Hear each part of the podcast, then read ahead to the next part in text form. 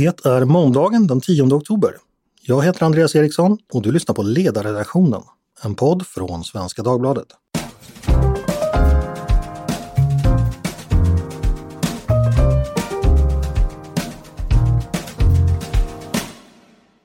Varmt välkomna ska ni vara till en ny vecka med Ledarredaktionen. I dagens podd ska vi titta närmare på det som har skett inom den svenska tidningsmarknaden det senaste decenniet. Jag tror att de flesta av er känner till att det har varit en ganska dramatisk utveckling, men få av oss har kanske förstått exakt hur dramatiskt. Affärsmodeller som har existerat ända sedan 1800-talet har blivit frånsprungna av utvecklingen på några år och det har påverkat branschen och dess aktörer på ett avgörande vis. En som verkligen djupdykt i denna utveckling det är journalisten och konsulten Anders Malmsten. Varmt välkommen hit! Tack! Eh, ja, först några korta ord om dig. Du är ju eh, journalist eh, från, från början som sagt, har länge arbetat med affärsutveckling inom mediebranschen, bland annat som ansvarig för Bonniers internationella tidskrifter i många år. Och du var också med och grundade Dagens Medicin en gång i tiden. Precis. Ja. Så du har eh, ja, bakgrunden inom dagstidningsbranschen men inte varit där på några år kan man säga. Nej, precis. Det är nog faktiskt ja, mer än 30 år sedan som jag jobbade på allvar på mm. dagstidningar just. Ja, precis. Eh, Anledningen till att du är här är att du har skrivit en bok som precis kommit ut. Eh, den heter Pressstopp. Landsortspressen regerade i 100 år men havererade på sju år. Vad var det egentligen som hände? Eh, så det är alltså då, du skriver helt enkelt skrivit eh, något av den svenska närtidshistorien när det gäller dagstidningar. Var det någon annan än du som hade varit inne på det här förresten och skrivit om det eller var, du, var det en pionjärinsats? Ja, det är nog en pionjärinsats. Det är ingen som har skrivit så. Alltså, nästan varenda tidning i Sverige har en bok kopplad till sig. De har själva skrivit en bok när de har nått 100 år eller någonting sånt där. Mm. Jubileum. Eller 111 år till och med finns det en som har skrivit en bok när de hade funnits 111 år. Och, men de är alla skrivna i ett ögonblick när det går väldigt bra. Mm. Det är då man ger ut dem. Just det. Och det här är ju väldigt färsk utveckling. Du, du ja, släpper ju pennan sommaren 2022, så du utvecklar ända fram till dess. Eh, ja, vi kan väl börja bakgrunden. Hur kommer det sig att eh, du skrev den här boken? Det viktigaste skälet för mig var faktiskt att jag inte själv förstod hur sjutton var det här möjligt? Att de här tidningarna som var så otroligt starka och jag brukade själv ofta använda dem som exempel och säga att det finns ingenting förutom oljekällor och ölbryggerier som man kan tjäna så mycket pengar på under så lång tid som regionala starka lokaltidningar. Mm. De var liksom oslagbara och sen går de ändå under eller ägarna om man ska vara noggrann, det är det, ägarna till tidningarna som går under, eh, på väldigt kort tid. Mm. Och, och hur sjutton var det möjligt faktiskt? Jag hade ändå jobbat så nära den här branschen så jag tyckte jag borde liksom ha förstått det där. Men det var ändå, jag förstod ju det i grova drag men inte tillräckligt mycket så jag var tvungen att gräva lite grann i det där. Mm. Det finns ett amerikanskt uttryck och det, det säger då att, att ha annonsmonopolet i form av en lokaltidning på en ort, det är a license to print your own money. Som sagt. Och så var det ju länge. Exakt, precis så var det. Och, och under många, många decennier. Mm. Och det var liksom omöjligt för någon att eh, utmana det här monopolet som de här starka regionala tidningarna hade. Mm. Och plötsligt ändå så gick det uppenbarligen att utmana det. Vi ska gå tillbaka, vi ska följa din bok ganska nära i, i sitt, sitt, sätt att berätta. Eh, eller jag ska säga om boken först. Den är, jag kan varmt rekommendera alla att läsa den. Eh, den är väldigt fint utgjord. Det märks att det finns en tidskriftsmänniska här bakom för det är ju mycket ja, det är grafik, det är småplock, det är insprängda intervjuer och sånt. Så att det är ja, trevligt framställt helt enkelt. Hur, hur, tänkte du, hur tänkte du och din förläggare kring det? Det var mycket just för att det var svårt att berätta historien bara liksom i textform och jag är själv liksom uppvuxen i tidskriftsbranschen och, och liksom kan det berätta tekniken som finns där. Och den, så länge vi hade pengar i tidskriftsbranschen så kunde vi göra den typen av mm. berättelser där man liksom just har med mycket grafik, mycket sidoartiklar och sådär för att inte tynga hela själva liksom grundtexten med en massa sidosprång, utan det kan man lägga liksom i egna rutor och så. Det är ju dyrt att producera och som tur var hade jag en formgivare också som är otroligt duktig, Janne Larsson, som eh, la ner förmodligen lite för många timmar egentligen på det här, men, men det blev ju tycker jag själv fantastiskt bra. Ja, och det ska sägas, för det är ju en väldigt komplexa processer du beskriver. Eh, och göra det i text att A köper D av B som sen säljer till X som samägs med Y. Det är ju inte helt, alltså i text kan det tendera att bli lite sövande både skriva och läsa tänker jag. Verkligen, och jag hade själv helt tappat greppet. Vem, Gota Media, hängde de ihop med NTM eller NVT? Eller, alltså det, och den här branschen är fylld av förkortningar och begrepp och sådär som liksom, även de som är i branschen tror jag har svårt att hänga med ibland. Och är du utanför branschen så är det helt hopplöst. Mm. Du, sagt, eh, vi ska börja följa din berättelse och, och du tar ju avstamp i en affär som var eh, väldigt uppmärksam på sin tid. Det var när Mittmedia köpte det som då hette Centertidningar eh, och det gjorde man då eh, redan 2005. Vad är det i den händelsen som gör att du tycker det är en lämplig startpunkt för din berättelse? Det är den första stora tidningsaffären i Sverige eh, någonsin faktiskt, eh, av den storleksordningen att det säljs tio dagstidningar på ett bräde. Det har liksom inte skett tidigare. För de här tidningarna var inte bara monopolister och tjänade mycket pengar, de var liksom aldrig till salu heller.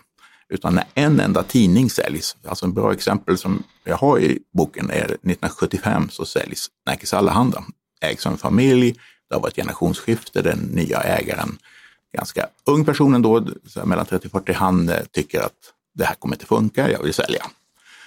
Och när han då går in till sin chefredaktör, eller han kallar in chefredaktören en fredagkväll i början på juni och säger jag tänker sälja.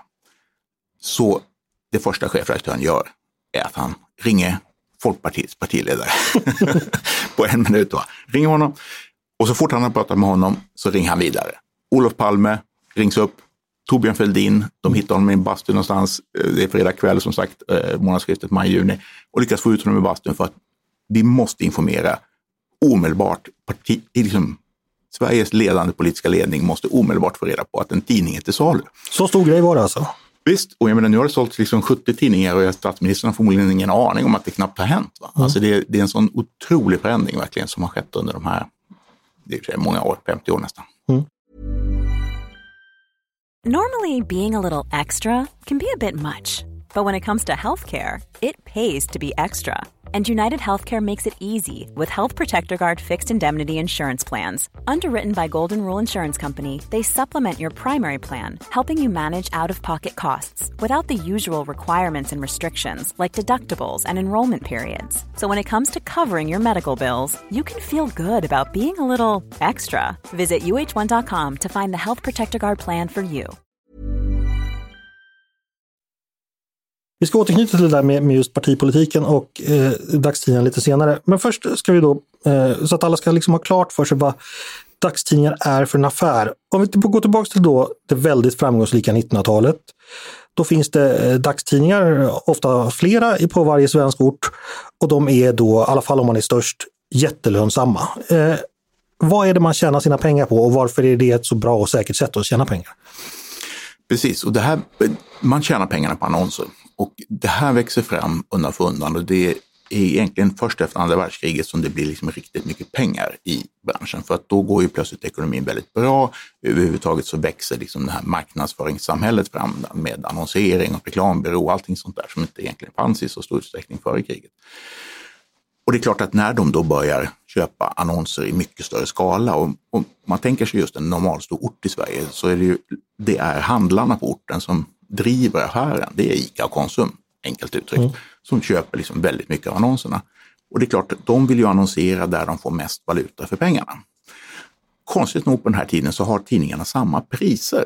Så att har du en tidning som har når var femte person i stan så tar de lika mycket för en sida i tidningen som den stora tidningen som når 80 procent av befolkningen.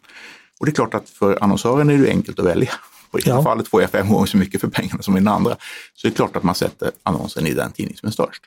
Vilket gör att liksom alla pengarna går dit och när det då blir annonserna som också blir liksom den största andelen av intäkterna så innebär det att, att vara etta på marknaden är liksom license to print money verkligen.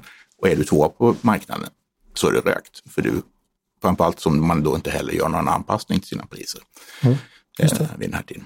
Ja, och det här det kan ju nästan, det, det blir väldigt eh, enkelt att räkna på för man vet att en viss ort med ett visst antal invånare då, eller hushåll kommer ha ett visst eh, storlek och omfattning på, på, på näringslivet. Och det kommer finnas då ICA-handlaren och, och, och, lite annat folk och då vet man ungefär hur mycket de kommer eh, annonsera och då hamnar det där man helt enkelt når flest. För det här med kontaktkostnader är liksom inte etablerat som en, som en idé inom. Utan, och då är första tidningen oerhört lönsam. Och det här pågår, pågår väldigt länge. Eh, vilka är det som äger de här lönsamma tidningarna generellt? Går det att säga någonting om det? De borgerliga, som du var inne på, så finns det ju liksom politik också i det här. Va? Och tidningarna har ju, alla tidningar i Sverige, dagstidningar, har en politisk färg. Mer eller mindre. Det finns några få undantag, men i princip alla stora tidningar har, har hela tiden haft en politisk färg. Ja. Ibland växlat när man har köpt och sålt tidningarna, men i grunden så har de haft samma politiska linje sedan de startades. Och de som startades först var oftast de borgerliga tidningarna. Socialdemokratiska tidningarna startades lite senare, i början på 1900-talet och har dessutom en, vi ska inte gå in på allt för mycket detaljer, men de, de har liksom en affärsmodell som inte riktigt funkar. Så att det innebär att det är de eh, liberala och konservativa tidningarna framför allt som eh, liksom dominerar marknaden. Eh, Centertidningarna finns då inte. De uppstår sen på 70-talet när Centerpartiet börjar köpa tidningar. De som sen säljs 30 år senare. Och ibland, det finns lite olika varianter på ägandeformer här när det gäller de här eh, konservativa och liberala tiderna. Ibland är det enskilda familjer som äger och ibland så väljer man då av eh, skatteskäl, vad jag förstår, att lägga det i en stiftelse. Också. Ja, för det, här, det är paradoxalt i det här att det finns familjer som driver det här och verkligen blir rika familjer. Det finns ett antal som blir, som blir, har hundratals miljoner på banken så småningom. Men samtidigt så är det väldigt icke-kommersiellt drivet. Alltså det är verkligen drivet utifrån en övertygelse och en idé och man vill påverka samhället och man vill påverka politiken. Så att många av de här som ägs av privatpersoner tar egentligen aldrig ut de här pengarna. Eh, ett bra exempel är Norra Västerbotten, tidningen som är liksom dominerande i Skellefteå och hela den delen av, av just Norra Västerbotten. Den eh, ägs av privatpersoner när de då inser att det här blir väldigt svårt att i generationsskiften, Sverige har väldigt hög skatt vid den här tiden, 60-70-talet, hög arvsskatt, hög vinstskatt, också beskattning på arbetande kapital som gör att det är svårt att vara företagare helt enkelt. Och de vill ju ändå inte tjäna pengar på det här. Så när de inser så här, men herregud, vi kan lägga den på en stiftelse istället. Och i Norrans fall så säljer man den liksom med tidningens egna pengar så att han får liksom knappt något betalt heller, den här ägaren till tidningen. Eh, men han sitter ju kvar och kör tidningen fortfarande, fast nu är den bara via en stiftelse, vilket gör att han slipper liksom problem med arvsskiften och sånt där. Va? Den är fortfarande ägd av en stiftelse idag, så att det finns, uppstår sju liberala stiftelser, åtta ett tag, eh, tre eh, konservativa stiftelser som liksom tar över tidningarna, oftast till väldigt förmånliga villkor för att familjerna liksom vill bara egentligen att tidningen ska fortsätta att ges ut, inte casha hem så att säga. Mm. Sen finns det ytterligare, det är lite sidospår här, men jag tror att vi ska ta upp det. Det är ju nämligen så att det uppstår stiftelser som är mer ska säga, eh, nationella och arbetar med flera tidningar. Och det har då att göra med att SAF under tiden, de närmaste decennierna efter andra, andra världskriget, eh, pumpar in pengar i borgerliga, alltså liberala och konservativa tidningar. Och då uppstår eh, några större stiftelser, däribland Stiftelsen Pressorganisation som är då liberal. Och sen eh, ja, fanns det moderat variant också. Precis, jag kom nu inte ihåg vad den heter heller, ja. men det, det, precis, det finns två. En, ja. en liberal och en konservativ. Framförallt Stiftelsen Pressorganisation kommer ju under den skede du beskriver fortsätta spela en viss roll. Så att, Än idag, alltså ja. de ägde 30 procent av Mittmedia fram till nu att Bonnier köpte 2019. Så att eh, de, de och är fortfarande har en styrelsepost och så. så att de här, eh, och det är precis som du säger, SAF kanaliserar pengar via två stiftelser Eh, för att man vill se till att det finns liksom konservativa och liberala tidningar i alla delar av Sverige. Och på samma sätt så gör LO, eh, skickar liksom pengar till dem Mm. Eh, socialdemokratiska tidningarna. För nu kommer vi till en väldigt intressant aspekt, för nu kommer vi då in på, på 60 och 70-talet när det då börjar gå, som vi säger då, vinnaren tar allt på, på den enskilda lokala marknaden. Andra tidningen går inte bra för de riskerar nedläggning och då är den ibland en socialdemokratisk tidning, ibland en borgerlig tidning då. Men då anser man det viktigt att det finns en politisk balans bland tidningarna på en viss ort. Och det är det som föder det som idag ja, pressstödssystemet helt enkelt, eller mediestöd som det numera heter. Vad är tanken bakom det där, den här balansen? För att egentligen ska det väl inte spela någon roll vem som äger en tidning, för journalistik är ju alltid journalistik. Eller hur, hur tänker man då?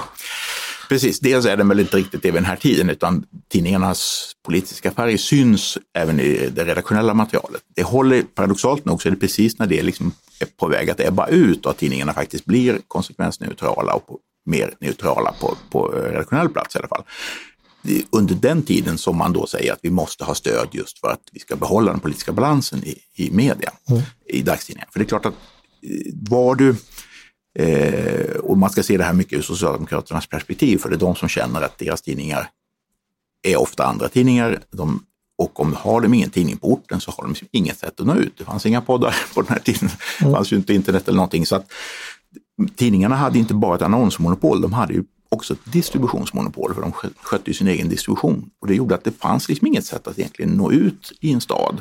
Eh, och det kunde ju vara ganska stora städer. Eh, hade du inte en tidning på orten så var det liksom omöjligt för dig att opinionsbilda. Mm. Så att när den här första pressutredningen görs i början på 60-talet så eh, diskuterar man det här mycket och man, undersökningarna som görs av pressutredningen, det handlar mycket om det här. Alltså kan vi se att det finns en politisk påverkan via tidningarna? Å ena sidan så kan man säga att hälften av tidningarna är folkpartistiska och det har inte synts direkt i valresultaten ens på 50-talet. Så att uppenbarligen är det liksom inget eh, enkelt samband. Va? Men man gör faktiskt en undersökning där man tittar då att okej, okay, det finns två stora frågor vid den här tiden. Det är pensionsfrågan och det är eh, spionen Wennerström eh, som blir tagen i början på 60-talet. Så då tittar man på, okej, okay, eh, de som då har levt, socialdemokrater som har läst en liberal eller konservativ tidning, vad tycker de om de här två frågorna och hur regeringen har hanterat dem i förhållande till socialdemokrater som har läst socialdemokratiska tidningar? Och de, det görs alltså av, av pressutredningen, den här undersökningen, och tittar förstås på andra partikombinationer också och ser då att ja, men de som faktiskt har då läst liberala eller konservativa tidningar tycker att regeringen har skött sig sämre än de som har läst socialdemokratiska tidningar. Mm. Alltså finns det liksom en politisk påverkan, alltså måste vi se till att det finns en balans i landet, för att annars så kommer eh, tidningens liksom, lokala färg att eh, påverka för mycket. Mm. Det är tanken. Precis. Och då föds då alltså eh, presstödssystemet som då sköts i början på 70-talet. Eh, bland annat en tidning, Svenska Dagbladet, som ni lyssnar på nu, var, har ju i många, många år varit eh, mottagare av stöd i presstöd och medstöd. Är det fortfarande. Jag tror det var 40 miljoner vi fick eh, senaste utdelningen. Kan den siffran stämma? Precis, jag tror det är 40 max just nu. Så ja. det är liksom några som får det. Eh, och Svenska Dagbladet då har varit andra tidning i Stockholm under alla dessa år. Eh, så att vi har det systemet med oss, en första tidning som är lönsam på egna meriter och en andra tidning som får då hjälp. Eh, så går då tiden vidare och vi börjar, eh, kommer in på 1980-talet. Då börjar det hända saker i media Sverige och det första som sker det är ju då att eh, radio och tv-monopolet försvinner och man börjar kunna göra reklam. Eh, ja, det är en välkänd historia, men bara kort, vad är det som händer då? Det som händer är att du för första gången då får konkurrens för de här tidningarna, för i alla fall på annonsmarknaden lokalt, för det startas just lokala radiostationer. Mm. Inte helt överraskande så ser tidningarna då till att köpa upp de här, eller vara med så att säga, och, och ta en position även på den här radioannonsmarknaden då, lokalt. Eh, så att många lokaltidningar är med när eh, radion då släpps fri. Så att säga. Och det är 1993 det här? Eller 94 ja, kanske? Jag ska inte svära på datum ja, riktigt, men det, det är någonstans där. Och det, det är, eh, man kan ju tycka att det där, man skruvar ihop radiosystemet på ett sätt som gör att egentligen ingen tjänar pengar de första liksom 30 åren på det där. Så att det är ju, men framförallt det viktiga för lokaltidningarna är att de ser till att de försöker liksom försvara sitt monopol egentligen lokalt. Att ingen annan ska komma in och börja sälja annonser just på mm. deras lilla del av Sverige. Eh, och samtidigt sker det då eh, en viss Jan-Hugo Stenbeck kommer hem från, från USA och eh, han börjar då sända TV3 1987 som då blir annonsfinansierat. TV4 får rätt att börja sända i marknätet 1990-talet. Så 90-talet så då, ja, helt enkelt som annonsör så kan du nå svenskarna på helt andra sätt genom att göra framförallt tv-reklam då. Eh, och så dyker det upp en ny konkurrent där också Stenbeck ligger bakom och det är ju Metro. Vilken roll spelar Metros lansering i, i den här historien? Ja, jättestor skulle jag säga. För det som Idag är det nästan förvånande hur fort man har glömt hur stor Metro var. Alltså att den var ju ändå, åkte man tunnelbana så satt ju alla och läste. Och i mediebranschen har man nästan fått bilden nu av att det där var en dålig affär från början till slut. För det liksom slutade med katastrof och det, det var liksom mycket turer längs hela vägen. Och, och det, börsvärdet var aldrig speciellt liksom, bra för Metro. Men det berodde egentligen på att man försökte expandera internationellt och det var mycket svårare. Mm. I Sverige var Metro jättelönsamt. Mm. Sammanlagd vinst på över en miljard under den tid som tidningen gavs ut. Men det som framför allt är intressant är ju att han gör ju, Stenbeck gör ju inte alls det som liksom då, kan säga, konkurrent andra tidningarna har gjort runt om i landet. Det vill säga hela tiden försöka kämpa mot första tidningen på första tidningens villkor. Utan han kliver in och, och vänder helt och hållet upp, upp och ner på affären. Eh, han som är chef för Metro under lång tid, journalistisk chef, eh, Sakari Pitkanen, han var även med och startade Stockholms-Tidningen. Mm, så ung reporter mm. den gången. Och eh, jag intervjuade honom till boken och han beskrev just den här skillnaden. Då, att Stockholms-Tidningen, då kliver man in och säger att vi ska göra ungefär som Dagens Nyheter fast vi har inga resurser. Eh, och vi har glömt bort att vi skulle anställa en annonsavdelning. Och det går liksom inte speciellt bra för man spelar egentligen helt på motståndarens planhalva. Medan Metro däremot så är utgångspunkten, vad kommer DN göra? Då ska vi göra precis tvärtom. Mm. Och så kliver man liksom in och gör något helt annorlunda. Och jag menar, när de, de startar ju även sådana här som har helt glömts bort idag, men en hemburen veckotidning som heter, alltså fortfarande i tidningsformat, men som delas ut en gång i veckan som hette Metro Hus och Hem. Och som ju tar hela liksom, den här eh, mäklarmarknaden, då, hus och lägenhetsannonser, som ändå var flera hundra miljoner som de tar liksom över en natt från Dagens Nyheter. Och det är klart, den där typen av konkurrens hade ju liksom ingen dagstidning varit med om, att någon kommer in och verkligen är stenhårt kommersiell i en värld där de flesta liksom har varit sådär mer snälla och liksom mer intresserade av politik och, mm. och samhälle och så. Snälla folkpartister som vill påverka samhället. Precis. Så att han, jag tror att det blir verkligen ett wake-up call för många tidningar. Att herregud, det är faktiskt, folk kan liksom se igenom vad vi håller på med och, och faktiskt gå in och liksom konkurrera med oss stenhårt på ett sätt som ingen hade gjort tidigare. Mm. Nu nämnde Anders här eh, Stockholmstidningen, bara en kort förklaring till det. Det var ett eh, socialdemokratiskt försök på 80-talet att återuppväcka en eh, Ja, en gammal tidning helt enkelt som hade funnits fram till 60-talet, en klassisk tidning. Den lyckades väl journalistiskt, bland annat med skopet när Kjell-Olof Feldt klottrade i riksdagen tror jag det var. Löntagarfonder är ett jävla skit, nu har vi baxat dem ända hit som man tog med teleobjektiv. Mm. Och så vidare. Jag minns när jag en gång skulle skriva en artikel om den 4 oktober 1983 så läste jag gamla tidningar på KB. Och tittade på en sak när jag läste Stockholmstidningen. Den såg så jäkla konstig ut. Det tog ett långt tag innan jag funderade. Det var så här att vad lite annonser det är i den här tidningen. Och det fick, fick jag för en förklaring i boken att annonssäljet var inte helt proffsigt upplagt här. Nej visst, och, och, den, den är ju, men en lärdom där som, som Zackari just delger läsarna av boken, det är ju att när de startade Stockholmstidningen så var hela fokuset på det journalistiska och de var faktiskt bra. Mm. Så du säger det var liksom inte alls en, en, dålig tidning. Men det spelar liksom ingen roll. Det är, inte det, det är inte där striden avgörs i den här världen, utan det är ändå frågan att hur du kan dra in pengar. Mm. Så vi har då eh, radio, framförallt tv, börjar plocka. Eh, Metro ruskar om eh, branschen här i slutet på 1990-talet. Och samtidigt då eh, så är det ju så att allt svensk, fler svenskar skaffar internet och tillbringar tid där. Eh, det gör man då hemma framför sin dator, för man kan inte ha det i telefonen än så länge. Men eh, tidningarna skaffar också hemsidor där man kan läsa väldigt mycket av tidningarna. Så ser situationen ut ungefär i början av det här millenniet. Eh, Eh, och då är det väl läget, eh, ja, hur, hur, tänker man här? För då förstår man ändå att någon form av digitalisering kommer ske med våra medievanor. Men vad, vad är det man ser framför sig då, om man ska säga då, ja, men 2005 när den här äh, affären vi började prata om, mm. Eh, när, när, mitt när jag köpte Centertidningen. Vad, vad är det man ser framför sig då? Precis, alltså det, när, och det är framförallt den här dotcom-kraschen 2000 som är det som påverkar mycket, för då börjar det bli tydligt för många att okej, okay, den här digitaliseringen kommer liksom verkligen skaka om, det kommer att förändra. Och jag var, alltså mitt första sommarjobb 83, redan då så höll Örnsköldsviks Allehanda där jag jobbade på faktiskt med ett projekt att bygga det, kan man säga, det som är Blocket idag eh, ihop med ett antal andra lokaltidningar. Så det här har man vetat om jättelänge, att digitalisering kommer förändra förutsättningarna. De som verkligen drar sin slutsatsen att det här är någonting som gör att vi måste agera, det är Stampen framför allt, eh, med, som då har en chef som heter Thomas Brunegård. Eh, han har liksom insett att det här Göteborgs-Posten som de då äger, deras stora tidning, den kommer inte klara sig.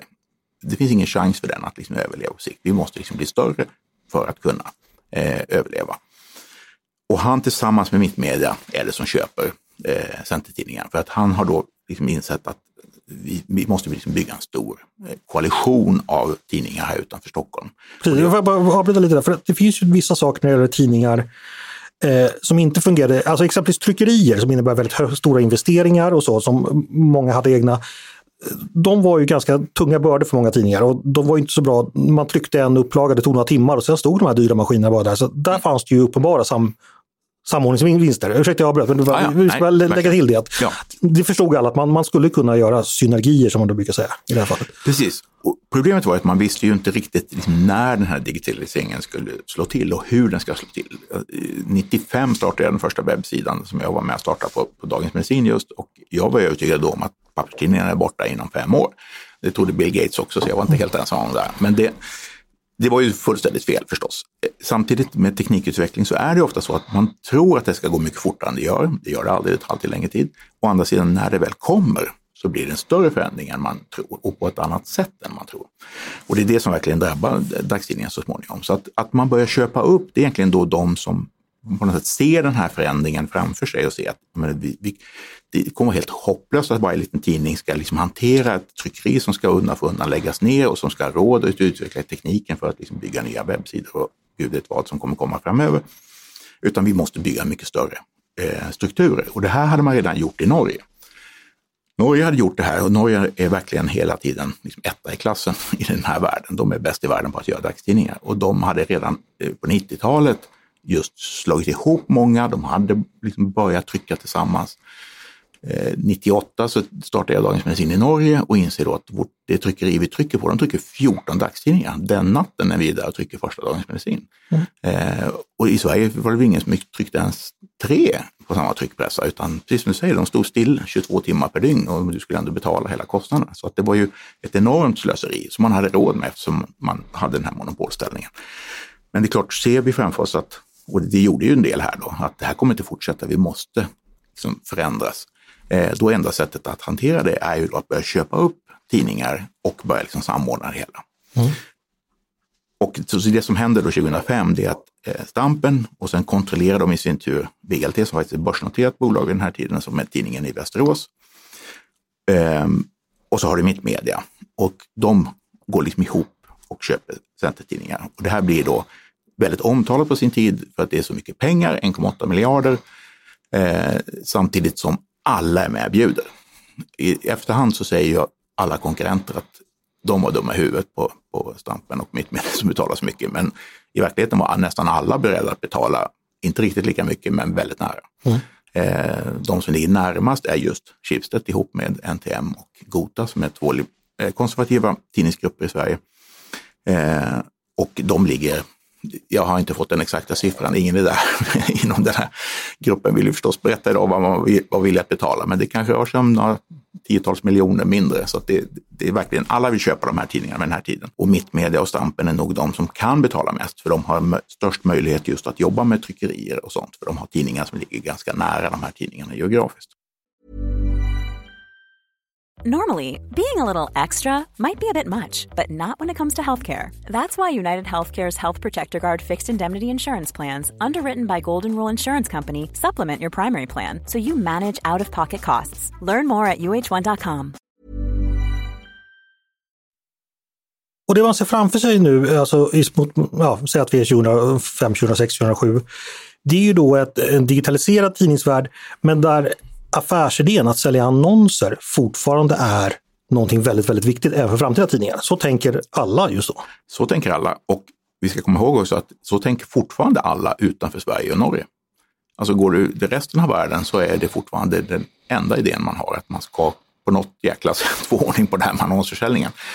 Lite överdrivet, men i grunden så är det så att det är liksom bara här vi på allvar har verkligen bytt affärsmodell nu och, och liksom säga att vi ska istället försöka sälja tidningen till vanliga läsare som betalar för den. Eh, så det tar lång tid innan man förstår att den här vägen, att liksom tro att vi ska få så mycket pengar som vi fick från annonsmarknaden, nu även i den digitala världen, att det inte kommer funka. Det tar jättelång tid mm. innan man förstår. För en så att säga, uppvaknande blir ju, eh, världen drabbas ju av eh, the great recession, finanskrisen 2008. Eh, enskilda kriser är inte så jättefarligt för tidningsbranschen, det har man varit med om förut. Man vet att annonser är det första man plockar bort i dåliga tider. Men å andra sidan så vänder det snart igen och annonsförsäljningen ökar. Så hade det alltid varit innan. Mm. Så blev det inte riktigt den här gången när världen då så att säga, visserligen så eh, stiger ju de digitala annonsköpen väldigt mycket under 2010-talet men man köper inte annonser och dagstidningar längre. Nej, och det hänger med upp i början, framförallt i print då, för det är mm. fortfarande starkt. Och det är fortfarande, ärligt talat, även idag så har man annonsintäkter i dagspressen så har man det just i sina papperstidningar. Mm. Och det går liksom hyggligt där ändå, 10, 11, då liksom det går, man ser att... Ja, det verkar ta fart helt enkelt. Ja, precis. Och 2012 så får vi en dipp igen, två, två kvartal i rad, rad faktiskt, då, då Sveriges ekonomi backar. Okej, okay, då dippar det lite, 2013 så kommer det säkert komma tillbaka. Men där plötsligt stämmer det inte.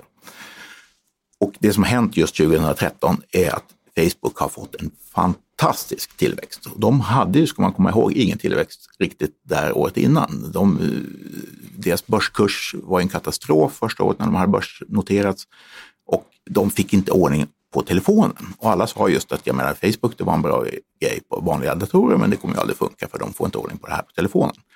Sen fick de ordning på telefonen uppenbarligen. De lägger ju enorma resurser på det här. Och när jag tittar på deras forsknings och utvecklingsbudget, alltså de har mer i den här tiden i forsknings och utvecklingsbudget än vad Sveriges dagstidningar har i omsättning. Mm. Så att de kan ju, eh, annonsomsättning, men de kan lägga liksom enorma pengar på att faktiskt lösa det här. Och de gör det ju, som vi vet. Det är bara att titta i Facebookflödet idag så ser man att det finns en annan annons där. Och de tar de här pengarna som, som då växer och då plötsligt kommer de in på lokaltidningsmarknaderna och liksom bara gör egentligen det som första tidningarna gjorde en gång i tiden, det vill säga säljer samma vara till ett oerhört mycket lägre pris. Och därmed så blir de liksom det. Och Google är ju redan innan stora, men de växer också enormt de här åren. Mm. Ja precis, för det, det kanske inte alla kommer ihåg det att Facebook bröt ju igenom i, i Sverige ganska brett redan 2007-2008. Men under dem, det var under många år diskussion att vad är Facebook grej? Vad ska de mm. göra med alla sina användare? Vad, vad består det av? Liksom? Eh, man funderade och kliade sig i huvudet och tänkte att det kanske inte blir någonting. Men det blev ju det som sagt. Och, mm. och då, för man kan göra då, ja, det är säkert många av er som lyssnar som är vana att köpa eh, Facebook-annonser, men man kan alltså då till väldigt låg kostnad med hög precision säga exakt vilka man vill nå på, på ett sätt som man, man, man, man inte, ja, det, det, går inte att konkurrera med helt enkelt. Nej, och de tar sig förbi det här monopolet då, som mm. dagstidningarna faktiskt har haft fram till dess. Precis. Eh, Eh, Eh, en, en, fråga, du skrev på något ställe i boken att de vattentäta skotten mellan annonsavdelningen och redaktionen som präglat svenska tidningsföretag ja, på god grund då för att då så att säga annonsörer inte ska kunna påverka redaktionen, men att det blir lite en hämsko för att för många tidningar när marknaden förändras. Eh, var, varför är det det? Är det för att tar det för lång tid för den redaktionella delen att begripa vad det är som händer eller vad är det, vad är det som sker? Alltså på dagstidningar så är det nästan så skulle jag säga, att man inte känner varandra. Alltså, jag, det här kan vara en anekdot som inte stämmer, för jag har inte kollat den, men jag, vad jag har förstått på New York Times så finns det också liksom två sidor förstås. Det finns den redaktionella chefen och det finns den kommersiella chefen. Vad jag har läst men inte lyckats få bekräftat så finns det ingen bild på de två tillsammans. Mm. Mm. Man har liksom inte satt sig bredvid varandra helt enkelt så att någon skulle kunna ta en bild. För det är fortfarande helt skilda världar. Mm. Och precis som du säger, det, det, finns ju en kommersiellt skäl till det här, att det är faktiskt bra för tidningens trovärdighet att man inte liksom blandar de här två rollerna. Men det är klart att när du sen ska börja säga att men vi kanske måste titta på produktutveckling, vi kanske måste göra en annan sorts tidning i framtiden. Om du sitter, i det här fallet dessutom tre, för ledavdelningen var liksom en egen del och sen var liksom redaktionen en del och sen var annons en del. Om de aldrig ens pratar med varandra och inte ens får träffas knappt, hur sjutton ska de liksom skapa en ny produkt? Och det här, eftersom jag har jobbat mest i tidskriftsbranschen då med tidningar som liksom Veckans Affärer och, och Dagens Medicin och så, där var det här helt självklart att vi jobbade med helheten. Vi jobbar ju verkligen med, sen var det ju förstås ändå så att annonsörerna inte hade någon påverkan på, på journalistiken, men när vi utvecklade Dagens Medicin så skruvade vi på alla rattar hela tiden liksom för att få, skapa den produkt som liksom funkar på marknaden. Och det, det, det gick ohyggligt långsamt i dagstidningsbranschen. Av det enkla skälet att man inte behövde göra något. Och då att plötsligt liksom börja ändra och sen säga att vi måste göra liksom en helt ny typ av produkt. Men tittar man på, på Svenska Dagbladet och Dagens Nyheter är de kanske de bästa exemplen idag i Sverige på det här att eh, själva den journalistiska produkten är väldigt annorlunda än vad den var bara för fem sju år sedan. Hela den här vi hade ju klickbeten som man kommer ihåg, det var liksom en webbeffekt där du liksom skrev idiotrubriker bara för att lura folk i princip att komma in. Det var ju en modell som funkar liksom i en annonsverksamhet, för du bara, det räckte med att folk klickade så fick vi lite pengar. Men ska du sälja prenumerationer till folk så är det ju fullständigt vansinne att hålla på och lura dem hela tiden med, med eh, rubriker som inte stämmer. För då kommer de inte betala någon eh, prenumeration. Så att nu måste vi göra en helt annan typ av journalistik. Och det som en rikstidning som Svenskan och, och DN ju båda två är idag så, så behöver man jobba mycket mer med fördjupad journalistik och inte speciellt mycket med liksom polisutryckningar och, och liksom enkla händelsenyheter som man kunde jobba med tidigare.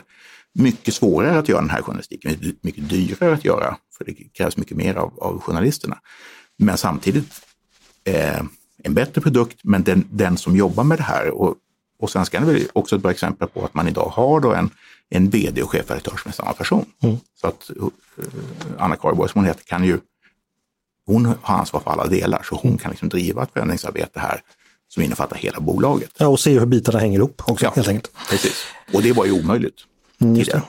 Eh, en stor del och en väldigt förtjänstfull del i din bok, den beskriver då alla de här stora affärerna som totalt förändrar strukturen på den svenska dagstidningsmarknaden. Eh, det här är väldigt komplicerat, vi ska inte gå igenom allt det här. Eh, men kan du nämna Exempelvis Stampen är ju någonting som väldigt många människor har hört talas om. Det var en följetong i pressen. Det har också varit en kontroversiell fråga för att många har velat peka ut eh, hjältar och skurkar här.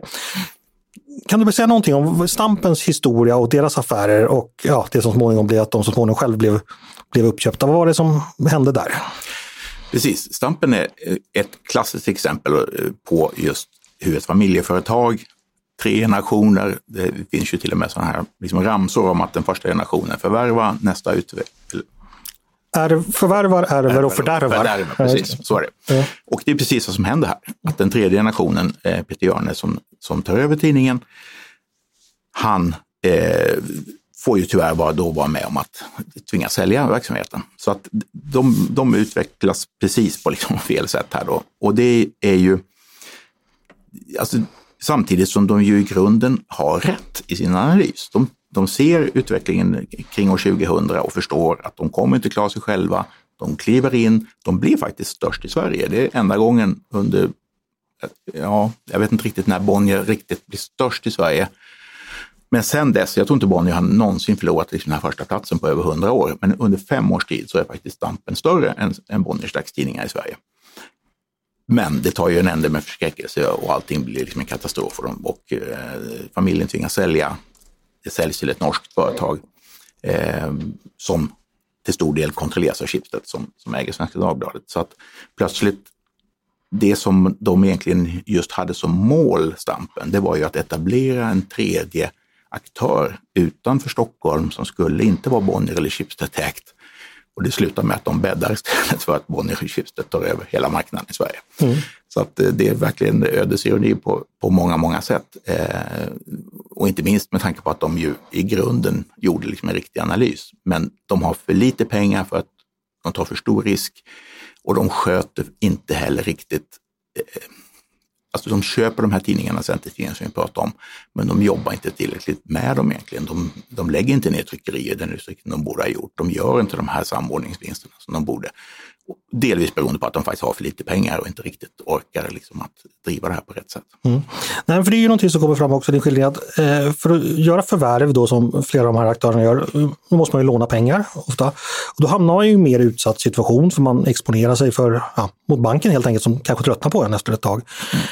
Men det är väl en del av det risktagandet som kanske krävdes också under den här perioden. Du för något resonemang om det, att man, eh, och då kanske det var också naturligt att de med lite mer finansiella muskler var de som kanske klarade sig lite bättre. Ja, ehm, och det som är paradoxalt i det här är ju att normalt i sådana här turbulenta eh, tider eh, där du har liksom digital disruption och allting förändras så brukar det vara så att de som är först in på en marknad är de som vinner. Mm. Aftonbladet är fortfarande störst på webben. De var först i Sverige med att starta en webbsida. Expressen har kämpat i decennier för att komma ikapp och de kommer liksom inte ikapp för att Aftonbladet leder, har lett racet sedan, sedan dag ett. Blocket som ägs av Schibsted här i Sverige är ju exakt samma sak, det vill säga att här kliver någon in, etablerar sig på marknaden och det blir hopplöst. Det har gjorts massa försök att liksom konkurrera med Blocket, inget har lyckats. Utan är du liksom etta på en sån här marknad så sitter du väldigt, väldigt säkert på det här, just den här marknaden så visar det sig att det blev precis tvärtom. Det var de som var sist in i loppet som vann. Eh, de som äger idag tidningarna är inte minst Bonnier som äger hälften av Sveriges dagstidningar. De var helt ointresserade, nästan fram till fem i tolv här, av att köpa någonting inom landsortspressen. Delvis beroende av att de hela tiden hade det här liksom politiska trycket mot sig, att de inte skulle expandera. Sverige har inte haft någon lagstiftning kring det här, men det har ändå funnits väldigt tydlig uppfattning från i alla fall socialdemokratiska regeringar att man inte vill att Bonnier ska bli större. Under lång, lång tid. Medan eh, i Norge har det funnits en formell lagstiftning, men den har kanske varit lättare för Schibsted, som är störst i Norge, att förhålla sig till. Så att där har man istället varit med och faktiskt omstrukturerat den norska tidningsmarknaden. Eh, Bonnier spelar inte alls den här rollen i Sverige förrän nu då, eh, 2019, när man kliver in och köper först Mittmedia och sen köper man Halvmedia som Göteborgs, eller Köpingsposten är den största tidningen inom den gruppen. Sen går man ihop med Gota Media och plötsligt så kontrollerar man över hälften av Sveriges dagstidningar. Ja, precis. Då, då är vi framme lite vid, vid slutändan av de här eh, ja, många olika affärer. Vi hinner inte reda ut dem då. Jag tycker man ska läsa boken där det också är föredömligt grafiskt berättat. Men det är ju så då att eh, Bonnier köper som sagt eh, Mittmedia, eh, norska aktörer, bland annat Schibsted köper Stampen.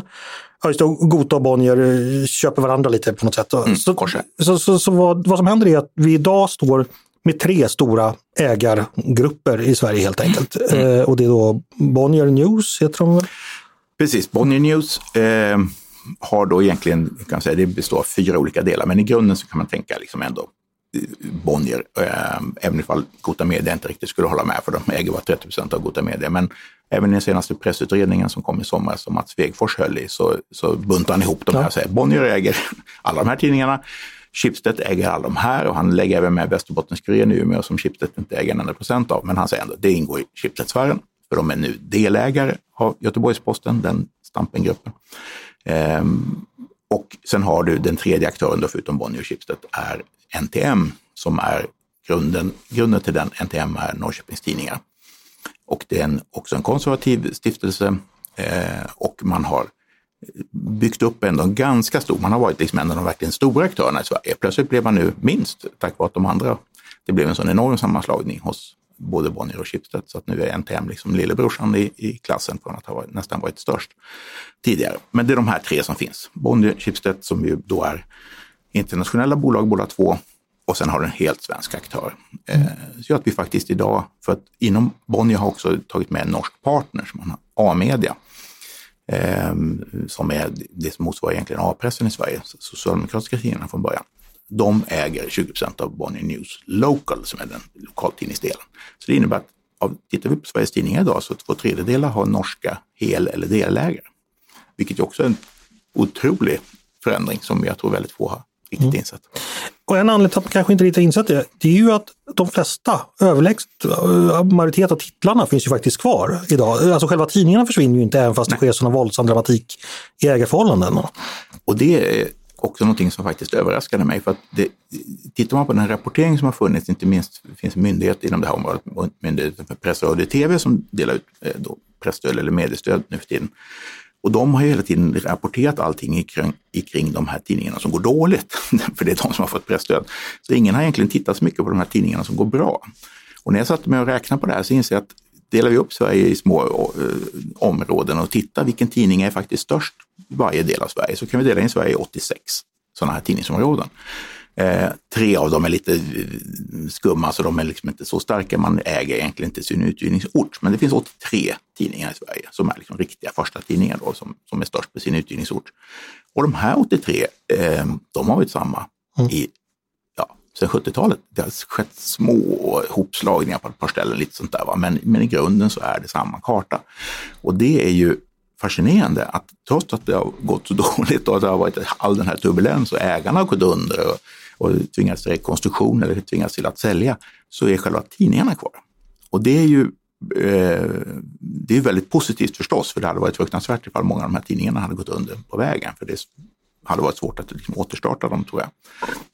Men eh, det visar ju också någonstans att den här relationen mellan läsaren och tidningen som jag tror är Eh, svår faktiskt att förstå för folk som är uppfödda i Stockholm. Eh, får väl vända mig till dig, Andreas, som är född i Stockholm. Men eh, jag är uppvuxen, jag är född i Stockholm men uppvuxen i Umeå. Eh, och när man inser liksom vilken relation en lokaltidning har till, sin, liksom, till de som bor på stan, i, i stan, så inser man också hur stark eh, titeln är. Alltså att, eh, jag tror det är det här som ligger bakom. Bonnier köpte även eh, Eh, Skånska Dagbladet som är Sveriges olönsammaste tidning om man skulle ha sån, den som har mest presstöd i förhållande till sin eh, egen omsättning.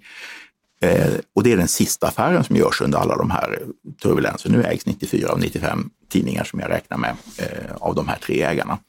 Eh, då har jag också lagt med andra tidningar och kvällstidningar. Och det fascinerande är att den sista tidningen då som säljs, Skånska Dagbladet, även den ägdes av Centern. Så att det var hela, affär, hela den här utvecklingen börjar med att Centern säljer sina lönsamma tidningar och den slutar med att Centern säljer sina olönsamma tidningar. Mm. Jag kan nämna i sammanhanget här, lokaltidningens betydelse. Eh, jag har en far som flyttade från eh, Östersund för, det måste väl vara en 55 år sedan och han talar ständigt illa om att Östersund var en kall och blåsplats att växa upp på. Lik förbannat blev han väldigt sur på när stadsbiblioteket på Lidingö slutade ta in Östersundsposten så han inte längre kunde läsa, läsa den. Så det, ja, uppenbarligen finns det starka relationer till tidningen om än inte till sin gamla hemstad kanske. Eh, en sak jag funderar på, eh, när man tittar tillbaka på sådana här processer eh, så är det ju lätt att man tänker att eh, ja, det gick som det gick för att det måste bli så, eller för att de ville det, att det fanns uttalade strategier här, eller att det finns eh, tydliga orsakssamband och så här.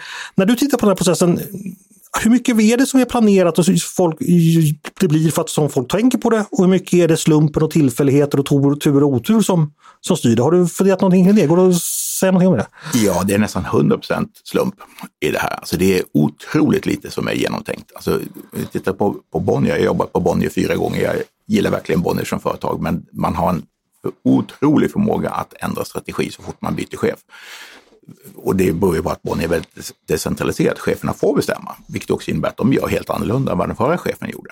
Så att här, man har bytt hela tiden strategi kring hur man ska jobba med, med dagstidningen. Och att man sen kliver in och börjar köpa lokaltidningarna, det är ju ren slump. Alltså hade inte, Bonnier har, eh, hade inga pengar, man hade köpt eh, fyra eh, olika bolag med TV4, man har köpt tidningar i USA, man har köpt Simor, man har köpt en finsk tv-station, eh, eh, som heter MTV3. Och nästan alla de här affärerna var jättedåliga. TV4 undantaget, den tjänade bra med pengar, men allt det andra var egentligen jättedåligt. Så Bonniers då har faktiskt rätt tufft under rätt många år. Man har enorma goodwill-berg, man har stora lån. Vilket gör att man mer eller mindre tvingas sälja TV4. När man gör det så förändras ju situationen liksom totalt inom Bonnier. Och plötsligt så kan de köpa någonting, vilket de inte fick göra annars för det var liksom eh, köpstopp. Och just då så är liksom mitt media ute till försäljning och dessutom inser Bonnier att om inte vi köper det så kommer Schibsted köpa det. Och om det är någonting vi inte vill när vi är på Bonnier så är det att Schibsted ska göra någonting offensivt. Så att då kastar man sig in i det här fem i tolv och kommer liksom förbi, glider förbi Polaris, eller formellt då, som är ett bolag som inte är helt eh, kontrollerat av Schibsted men ändå Schibsteds största ägare i Polaris. Och Bonnier kliver förbi, snatchar det här framför ögonen på, på Polaris Ehm, och sen gör man, har man ytterligare två affärer innan man hinner dela upp svenska marknaden mellan sig. Polaris vinner då just den här Stampen-striden och köper eh, Stampen då med Göteborgs-Posten i spetsen. Så på bara några månader så får vi liksom den här totala uppdelningen av, av kartan i Sverige. Och det där är ju otroligt eh, slumpstyrt för det var eh, verkligen ingen långt uttänkt strategi från början. Eh, nu har vi pratat väldigt mycket om det som har skett. Jag tänker vi ska prata om de farliga sakerna, vad som kommer ske. Det är det som man alltid får, får skit för efteråt. För det är något som konstateras i, i boken att eh, det vi idag kanske betraktar som dumheter, det var ju någonting som var i så fall väldigt spridda dumheter, för det fanns ingen som... Ja, det, är, det är lätt att vara efterklok kan man, kan man säga. Eh, för du gör en liten skattning här, för nu, nu är det ju så att eh, vi, vi, på tidningarna, vi försöker ju få er läsare att betala mer eh, igen då, för att annonserna är inte på samma sätt som det var en gång i tiden. Så att säga, ert läsande är inte subventionerat av annonsörer längre som det var tidigare var. Eh, så nu vill vi ha era pengar. Och du gör en liten skattning på hur liksom hela den svenska dagspressen, hur den skulle kunna utvecklas om den liksom Ja, poängen är där, du räknar på att ungefär hur, vilken omsättning talar vi om då att vi skulle kunna landa på i framtiden som, i din skattning där? Precis, det är morgontidningar jag tittar på. Ja, Kvällstidningarna är lite annorlunda, men, men morgontidningarna är ju prenumererade allihop och de hade som sagt de stora annonsintäkterna och som vi då redan konstaterat att de försvinner. Det är fortfarande 8 miljarder, 8,5 miljard eh, ungefär i omsättning i den här morgontidningssfären och den stora delen kommer från papperstidningarna fortfarande. Mm. Nu är det liksom den digitala läsningen är större och de digitala prenumeranterna är ungefär lika många som pappersprenumeranterna. Men de betalar så otroligt mycket mindre. Alltså det kostar ofta 120-130 spänn per månad för att prenumerera på liksom den billigaste digitala versionen. Medan ska du ha en papperstidning så är det uppe i 500, 600, 700 kronor i månaden. Så det är oerhört mycket dyrare. Vilket också gör att det är också oerhört mycket mer lönsamt just nu att göra papperstidningen. Eh, men papperstidningen har ju nackdelen att du måste ha tryckeri, du måste ha en distribution så att du har stora fasta kostnader. Så det här är ju ett problem när man liksom ser att det ändå är en förändring i marknaden. Om tio år fortsätter vi i dagens takt, så om ungefär tio år så är papperstidningarna borta och då har de digitala prenumeranterna blivit 100 procent istället. Och om vi hoppas då att vi kan ta med oss alla prenumeranter in i den digitala världen, vi kommer ha lika många prenumeranter om tio år fast de är helt digitala, och vi kommer ha lika mycket annonser som vi har idag digitalt och kanske till och med lite mer. Ehm, men det innebär ändå att skulle det hända så tappar vi hälften av intäkterna. Vi går från 8,5 till 4 miljarder. Mm. Okej, okay, vi sparar jättemycket genom att kunna lägga ner alla tryckerier och alla distributionssystem. Men det är kanske 2 miljarder. Så jag menar, då ska du fortfarande på en verksamhet eh, där vi, om vi bortser från de här 2 miljarderna, så handlar det om 6 miljarder i omsättning. Och då ska vi ta bort 2 miljarder av 6 miljarder, en tredjedel av kostnaden. Eh, det kommer inte vara så kul. För det, är liksom, det som kostar idag i en tidning är ju journalister, mm. om vi tar bort papperdistribution. Så att lösningen på det här egentligen då, det är ju att höja priserna. så att vi tar lite mer som vi har gjort för papperstidningar i alla tider. Men det vet vi ju samtidigt hur lätt det är att höja priserna, inte minst just nu kommer det inte vara så kul. Då. Eh, nu kanske man måste höja priserna bara för att kompensera för alla ökade kostnader som, som kommit nu med den ökade inflationen. Men, men här skulle man behöva höja priserna mer än så, så att säga, för att verkligen få liksom mer intäkter. Återigen, norrmännen är som bäst, alltid bäst i klassen. De har redan höjt priserna. De, de, de, gjorde det smarta att de aldrig började sälja de här riktigt billiga abonnemangen som vi har i Sverige på 120 spänn. Hos mm. dem är det liksom 220 spänn eller uppåt det billigaste. Och det är förmodligen något sånt vi borde göra i Sverige, men det kommer vara väldigt svårt. Och, och risken är att vi gör det till där liksom det kommer drabba demokratin istället. För att höjer du, säg att du skulle dubbla priserna så kommer du inte ha kvar 50 procent av befolkningen som prenumererar på en, på en dagstidning, det kommer vara betydligt färre. Det kanske är ekonomiskt lönsamt, säg att du faller från 50 till 40 procents hushållstäckning så att säga. Eh, men du står dubbelt så mycket betalt, det kommer ju vara en bra affär.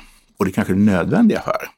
Men det kommer ju innebära att tidningen blir mer och mer en elitprodukt och mycket mindre en massmarknadsprodukt. Och det är inte bra för demokratin. Nej, det här är ett dilemma. Eh, nej, för jag tänker också då, eh, som alla vet så eh, jag hade, hade en, en bekant som var som var faktiskt eh, chefredaktör på en, på en lokaltidning under 2010-talet. Han sa så här att jag behövde inte vara journalist, jag behövde vara personalvetare för det handlar ju liksom om att friställa folk hela tiden och så vidare. Mm. Eh, jag, jag, blev lite chockad när jag läste i boken att Dagens Nyheter, om det var i början på 90-talet, hade 2000 anställda. Alltså det är en enorma mängder. Men alltså, det fanns vilken helt annan kapacitet för att göra journalistik det, det fanns då jämfört med, med nu. Och, och, vi ska bli ännu färre som gör, alltså vi kommer inte kunna göra lika mycket journalistik Nej. längre då heller. Samtidigt som vi ska kanske behöva höja priserna. Liksom. Så det, det, det blir en besvärlig ekvation att leverera på helt enkelt. Visst. Och jag tror att nyckeln är att istället göra en bättre produkt. För att det görs fortfarande för mycket tidning som påminner om den som vi gjorde när vi var annonsfinansierade och därmed där det faktiskt ärligt talat inte var så viktigt vad som stod mellan annonserna.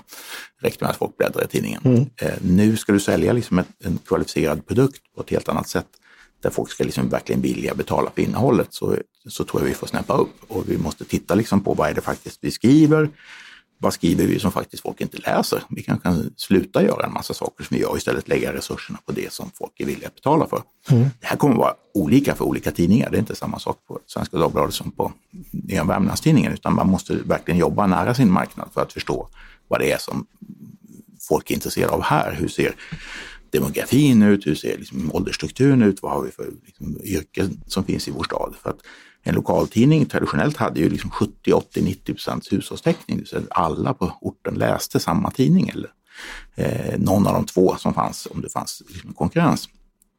Och, och helst ska vi vara där någonstans, för det är då tidningen liksom blir som bäst och kan spela den här liksom viktiga rollen också för demokratin. Eh, och då måste vi göra någonting som jag tror är väsentligt bättre. Mm förhoppningsvis kan vi då nå dit Norge faktiskt redan nu har nått, det så att intäkterna börjar också öka. Att vi inte bara sitter på ett sluttande plan hela tiden. Mm, precis. Men det är ju det vad vi på tidningar jobbar väldigt mycket med. Vi har ju också goda möjligheter idag att eh, följa hur folk konsumerar. Alltså, ni, ni som läser Svenska Dagbladet, hur ni, länge ni läser, vart ni klickar, vart ni går vidare. Vi har ju naturligtvis jättebra koll på det och, och försöker lära oss helt enkelt vad det är som som ni tycker om att läsa och lyssna på helt enkelt. Eh, och det här är fantastiskt. Mm. Jag menar, jag har slitit med det här som, som chef i så många år på så många, eh, olika länder. Journalister traditionellt ville inte ta reda på vad läsarna gillade för något. Man var helt ointresserad av att ta reda på liksom, om folk läste det och vad de tyckte om det. Eller så. Utan det liksom, men herregud, vi ska bestämma vad de ska läsa, för det är vi som kan och de är dumma i mm. huvudet, lite hårdraget. Jag tror det är fantastiskt att man nu har, faktiskt kan se vad som funkar. Eh, och då pratar jag inte klickbeten utan vad folk faktiskt på allvar liksom läser, gillar, lär sig något och blir liksom klokare. Eh, och att man gör mer av det som faktiskt folk är beredda att betala för. Ja, för jag tänker också den marknad vi befinner oss på, den konkurrenssituation. Om man förr i tiden kanske inte gillade sin tidning, då kanske man slängde den bakom. Man fortsatte, av fåtöljen och så gjorde man något annat. Man fortsatte att prenumerera. Nu kan man ju klicka vidare till att ja, läsa en annan tidning, läsa någonting annat, läsa Flashback eller läsa på Facebook, för ens kompisar skriver. Alltså det finns ju enormt mycket information och människor som vill kommunicera med dig från alla olika håll.